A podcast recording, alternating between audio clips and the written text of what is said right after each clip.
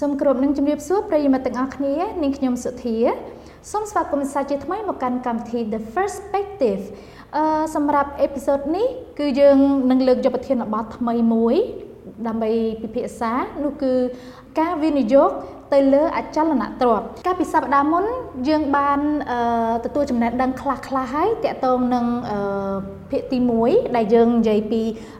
អចលនទ្រព្យដូចគ្នាប៉ុន្តែនេះគឺជាការចាប់ផ្ដើមវិនិយោគទៅលើអចលនទ្រព្យអញ្ចឹងយើងក៏ចង់ដឹងដែរថាការចាប់ផ្ដើមវិនិយោគដំបូងអញ្ចឹងអាចនឹងមានផលលំបាកខ្លះខ្លះឬក៏អាចមានផលលំបាកផ្សេងផ្សេងដែលយើងអត់ដែលដឹង អឺដើម្បីដឹងកាន់ច្បាស់យើងក៏បានអញ្ជើញនៅវាគ្មិនមួយរូបដែលគាត់អឺជាម្ចាស់អចលនទ្រព្យមួយកន្លែងហើយទើបតែចាប់ដើមដំណើរការដែរអញ្ចឹងដើម្បីដឹងកាន់តែច្បាស់ថាផលលំបាកយ៉ាងម៉េចងាយស្រួលយ៉ាងម៉េចយើងទៅជួបជាមួយនឹងគាត់ទាំងអស់គ្នាជំរាបសួរបងជំរាបសួរសុខសប្បាយបងបាទសុខសប្បាយចាជាដំបូងខ្ញុំសូមឲ្យបងជួយណែនាំឈ្មោះបន្តិចបាទ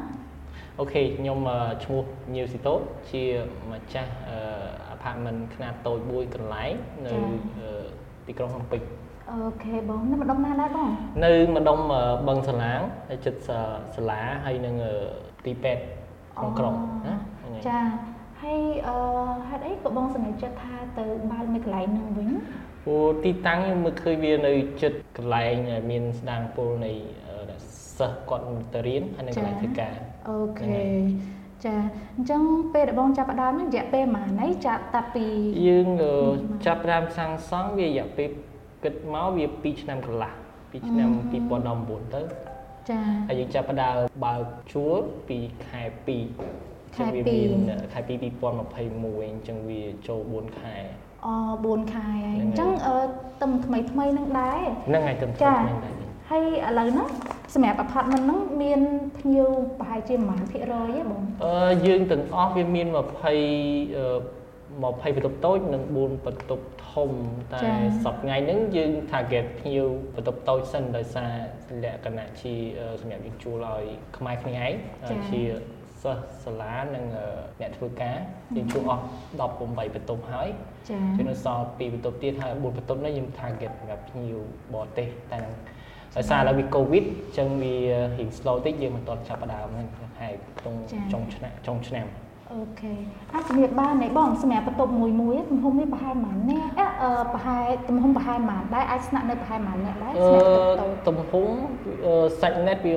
25ការ៉េហើយវាយើងគិតគិតទាំងបើកនីវាចូល30ការ៉េអីអញ្ចឹងវាមានបន្ទប់ទឹកផ្ទះបាយហើយនឹងបន្ទប់គេងហើយនឹង យកឬហៅ private balcony ខ្លួនឯងហើយការស្នាក់នៅខាងយើងតម្រូវឲ្យយើងចង់បានមួយថាតែ2នាក់ឯងព្រោះគេស្ងាត់ណាចាចាអញ្ចឹងបងអឺមកសំណួរទៀតដែលរៀងលក្ខណៈឯកជនបន្តិចណាបងបងបើកអាជីវកម្ម apartment ហ្នឹងតាមរយៈគេដែរមានន័យថាមិត្តភ័ក្តិណែនាំឲ្យបងបើកឬក៏កំណត់បងផ្ទាល់ឬក៏យ៉ាងម៉េចដែរបងការធ្វើអាគារនេះបង មានកំណត់ខ្លួនឯងដោយសារបានមើលឃើញនៃចន្លោះទីផ្សារចា៎ដោយសារយើងបានជួបម្ចាស់គីច្រើនជួបខាងអ្នកចរទ្របយោងតាមបទពិសោធន៍ខ្លួនឯងដែលបានជួបអញ្ចឹងយើងមើលឃើញថាការតម្រូវការវានៅមានសម្រាប់ការជួលលក្ខណៈខ្នាតតូចចឹងអរគុណច្រើនសម្រាប់សំណួរចម្លើយដ៏ក្បោះក្បាយបងបងណាចាឥឡូវសុំមកសំណួរទៀតសម្រាប់ទីតាំងរបស់បងហ្នឹងបងយល់ថា ជាទីតាំងដែលអភិវឌ្ឍខ្លាំងឬក៏យ៉ាងម៉េចដែរទីតាំងហ្នឹងវាមិនលក្ខណៈជាអភិវឌ្ឍខ្លាំងទេគ្រាន់តែវាជាវានៅចំកណ្ដាលចិត្តកន្លែងដែលគេទៅធ្វើការទៅរៀនចាអញ្ចឹងមុននឹងបងបើកអាជីវកម្មហ្នឹងចាំន័យថាសម្រាប់ទីតាំងហ្នឹងហ្មងណាអឺពីមុនជាជាកន្លែងអីដែរមុននឹងសាងសង់ជាអគារឡើងទីតាំងហ្នឹងក៏មុនជាផ្ទះជួលលក្ខណៈឲ្យកម្មករ អូចាយើងមានផែកខ្ទង់4មានបងខ្ទង់7បន្ទប់ចាអញ្ចឹងណាតែបបមកយើងក៏គិតឃើញទៅក៏ចាប់ដើមសាងសង់ដើម្បីបង្កើនប្រាក់ចំណូលចាអញ្ចឹងខ្ញុំយល់ឃើញថាសម្រាប់ការបើកអាជីវកម្មមួយហ្នឹងមានន័យថា apartment ហ្នឹងណាចាអឺបងបងត្រូវការប្រើប្រាស់ឬក៏តំណែងខាងរដ្ឋបាលលើលើផ្នែកអីខ្លះយើងធ្វើអីខ្លះផ្នែកបងផ្នែករដ្ឋបាលដែលយើងអឺត្រូវចាប់ផ្ដើមទី1 ផ្នែកសាងសង់ចា៎យើងត្រូវគិតថាយើងត្រូវសាងសង់ប្រមាណជាន់ទំហំប្រមាណចា៎ប៉ុន្តែយើងត្រូវអឺរៀបចំ form សុំទៅខាងផ្នែកសំណងខាងខណ្ឌឬក៏ខាងអឺខាងអឺសាលាក្រុងព្រោះទំហំវាចែកដាច់បើយើងសុំ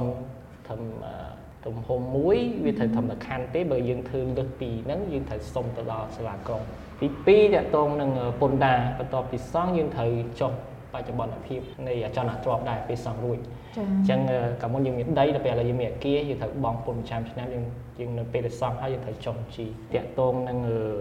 ការគ្រប់គ្រងក៏ត្រូវរៀបចំឯកសារផ្ទាល់ខ្លួនដើម្បីគ្រប់គ្រងអគារហ្នឹងហើយអឺឯកសារផ្សេងទៀតអញ្ចឹងណាតែធំគឺសំណង់និងអចលនទ្រព្យអូខេបង អញ្ចឹងអឺបើតាមខ្ញុំដឹងណាសម្រាប់ apartment មួយមួយនៅពេលដែលគាត់ចាប់ផ្ដើមបើកដំណើរការអញ្ចឹងគាត់គួរតែមានធានារ៉ាប់រងឬក៏យ៉ាងម៉េចអឺបងចំពោះខាងបងវិញមានមានលើខាងហ្នឹងឯងធានារ៉ាប់រងអីធានារ៉ាប់រងជាទូទៅវាមិនតាន់ទលំទលាយនៅតាក់ទងនឹងអឺនៅខាងអគារណាចាម្ចាស់អគារមួយមួយអត់ទាន់ គិតដល់ហ្នឹងនេះហឹមពីច្រើនអឺពីច្រើន investor ពីក្រៅមកនេះអារម្មណ៍ទៅខ្មែរយើងចាប់មានតែធំអឺទីមួយដែលគេទិញពីច្រើនគឺអគារភ័យចាតែពីច្រើនបរទេសតែគាត់ទិញឬក៏អគារធំធំៗតែអាម្ចាស់ខ្មែរយើងក៏អត់សូវទិញទេអញ្ចឹងណា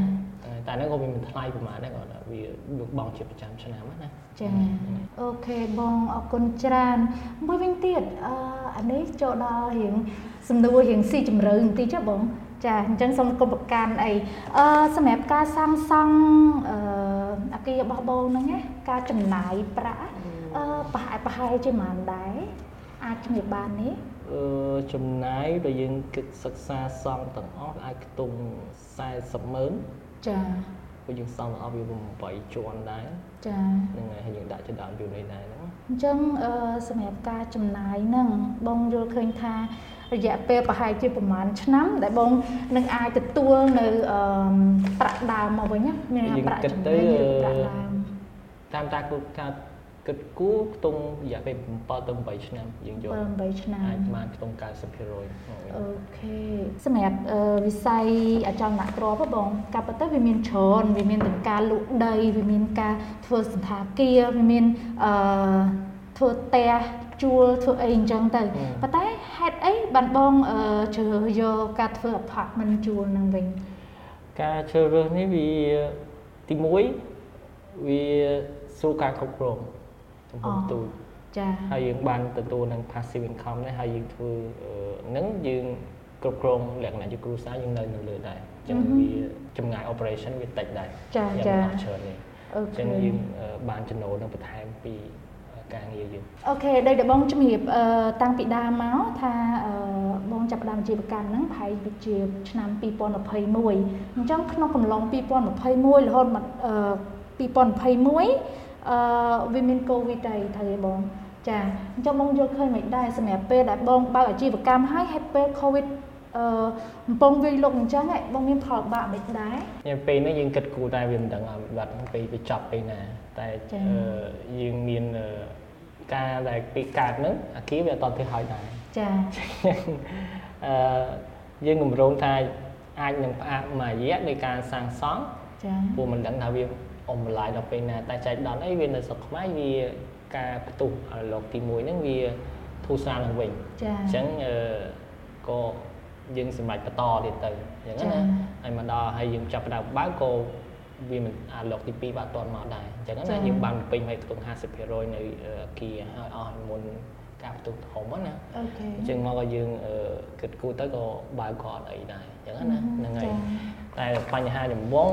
ដោយសារតែយើងវាមានទុនតម្រង់ទុកជាមុនដែលយើងអាចទុកបានណាណាចា៎នៃចា៎ការសាងសង់ អូខេអញ្ចឹងអឺសម្រាប់ជាចុងបញ្ចប់បងមាន ពាក្យពេចន៍អីក្នុងការនិយាយលើកទឹកចិត្តដល់អាជីវអឺអាជីវករដែលគាត់មានថាឬក៏វិនិយោគចិត្តដែលគាត់អឺក្រងនឹងបើកអាជីវកម្មថ្មីឬក៏គាត់មានចិត្តចង់អឺបើកអាជីវកម្មណាបងមានអីគួរលើកទឹកចិត្តពួកគាត់ទេអឺសម្រាប់ខ្ញុំបើពួកគាត់តែទើបតែចង់ចាប់ផ្ដើមវិនិយោគទីមួយគាត់ត្រូវសិក្សាទីផ្សារសិនចា៎អញ្ចឹងណាតើគាត់ចង់វិនិយោគលើអឺ ទីទីផ្សារណាមួយនៃអចលនទ្រព្យតើគាត់មានជំនាញឬនៅយ៉ាងហ្នឹងណាទី2តកតងនឹងទីទីតាំងចាតើទីតាំងហ្នឹងមានស្ដារពលពួកវិស័យណាអញ្ចឹងណាហើយគាត់មានដីហើយតែគាត់សិក្សាត្រូវសិក្សានៅមុខមន់ហ្នឹងឲ្យច្បាស់តើភ្ញៀវមកពីណាចាអញ្ចឹងណាហ្នឹងហើយហើយយើងត្រូវបង្កើតយុទ្ធសាស្ត្រមួយតើគួរធ្វើ marketing យ៉ាងម៉េច ដើម្បីតាក់ទងពួកគាត់ចាចាតែយោបល់ខ្ញុំល្អគួរត្រូវតែចំណាយ consultant បើយើងអត់ច្បាស់ទៅលើនឹងក្រុមហ៊ុនចលនាទ្រព្យដែលមានជំនាញគាត់នឹងឲ្យយោបល់ថាត្រូវគួរធ្វើអីចាអឺអញ្ចឹងព្រះបង just mention មិញហ្នឹងគួរតែពិភាក្សាជាមួយនឹងខាងអចលនទ្រព្យចំពោះបងបងពិភាក្សាមួយនឹងក្រុមហ៊ុនអចលនទ្រព្យមួយណាដែរអាចជំរាបបានទេហ្នឹងហើយដោយសារខ្ញុំធ្វើការនៅខាងក្រុមហ៊ុន នឹងដែរហើយយើងពិភាក្សាមួយក្រុមការងារនៅក្រុមហ៊ុន IPS គាត់ផ្ដល់យោបល់ឲ្យដែរអ្នកតងនឹងតើគួរធ្វើមិនមិនតើលេខអៅមិនតែយើងត្រូវធ្វើដើម្បីឲ្យភ្ញៀវគាត់ គាត់ស្នាក់នៅអញ្ចឹងណាចាចាអូខេអញ្ចឹងអរគុណច្រើនបងសម្រាប់ពេលវេលាដ៏មានតម្លៃបងបងដល់នៅយុទ្ធសាស្ត្រក៏ដូចជាមតិល្អល្អតកតងនឹងការវិនិយោគនៅលើវិស័យអចលនទ្រព្យចុងក្រោយនឹងខ្ញុំសូមថ្លែងអំណរគុណដល់បងយ៉ាងជ្រាលជ្រៅអឺចំពោះពេលវេលាបងដ៏មានតម្លៃដើម្បីចូលរួមនៅក្នុងកម្មវិធីរបស់យើងអរគុណច្រើនបងបាទអរគុណចា៎ ចាអរគុណអ្នកទាំងអស់គ្នាបន្ទាប់ពីបានស្ដាប់នៅបទពិសោធន៍របស់បងស៊ីតូនៃការចាប់ផ្ដើមវិនិយោគរបស់គាត់ហើយយើងខ្ញុំជឿជាក់ថាលោកអ្នកអាចទទួលបាននៅចំណេះដឹងបន្ថែមស្ដីពីការ